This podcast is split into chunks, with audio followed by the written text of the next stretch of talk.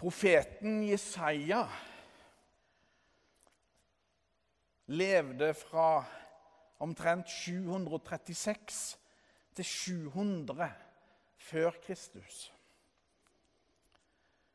Og i teologien så snakker vi om at profeten Jesaja, altså boka, kapittel 40-55, er skreven av en annen Jesaja, også kalt Dautero-Jesaja. En rene han, den andre Jesaja, som virksom i fra 540 før Kristus. Og kalles Deutero-Jesaja kalles for hjemkomstprofeten. Og hvorfor det? Jo, fordi at Jerusalem falt i år 587-586 før Kristus. Der store deler av folket, israelsfolket, ble ført i eksil til Babel, også kalt Babylon. Og Den andre Jesaja, altså fra kapittel 40 til 55 Den andre Jesaja har et budskap som inneholder trøste- og frelsesord til Judas innbyggere i deres vanskelige situasjon.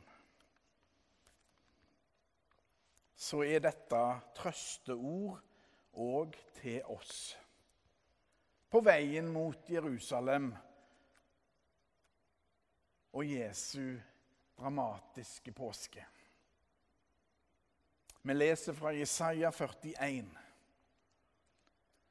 Men du, Israel, min tjener, Jakob, som jeg har utvalgt, ett av Abraham, min venn, som jeg grep tak i ved jordens ender og kalte fra dens ytterste grense.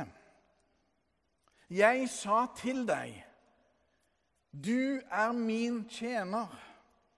Jeg har utvalgt deg og ikke forkastet deg.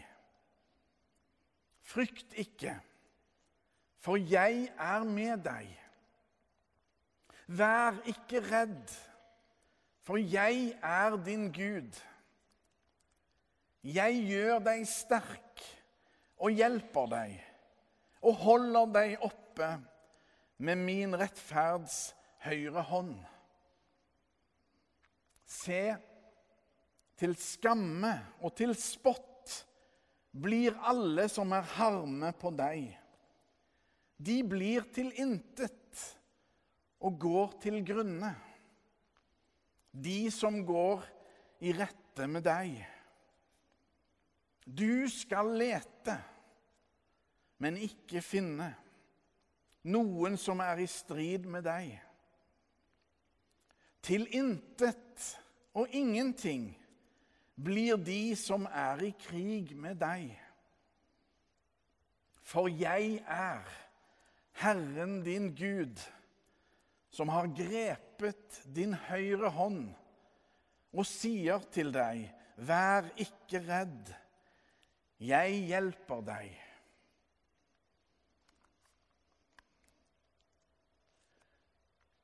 Så er dette trøsteord òg til oss i våres tid. Og uansett hvem som skrev de, så er de minst 2500 år gamle, disse ordene.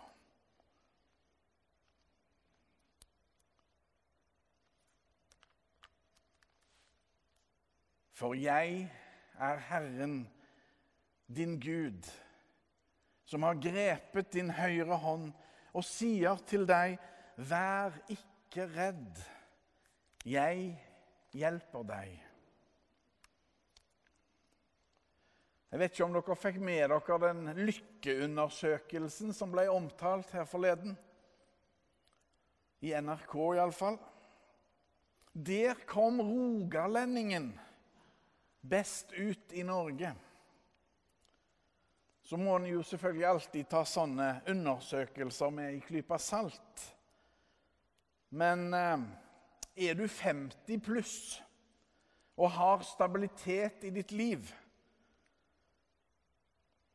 så var du representert i lykkeundersøkelsen. Og så var det ett av punktene som ble underkommunisert av mediene. Og det var punktet troende. Det jo var visst typisk for den lykkelige rogalendingen. Å ha ei tro er noe som gir perspektiv over tilværelsen. En kan nesten si himmel over livet. Trygghet mening, stabilitet Uansett hva som måtte komme til å skje. Det er fint å tenke på. Og så skal vi snart synge i det tredje verset av Svein Ellingsen-salmen. Selv under livets tyngste slag er vi hos deg, du vår Gud.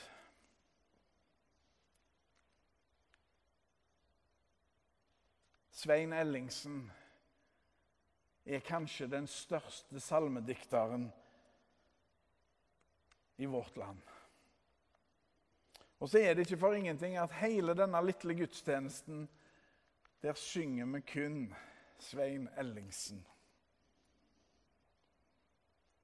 Selv under livets tyngste slag er vi hos deg, du vår Gud.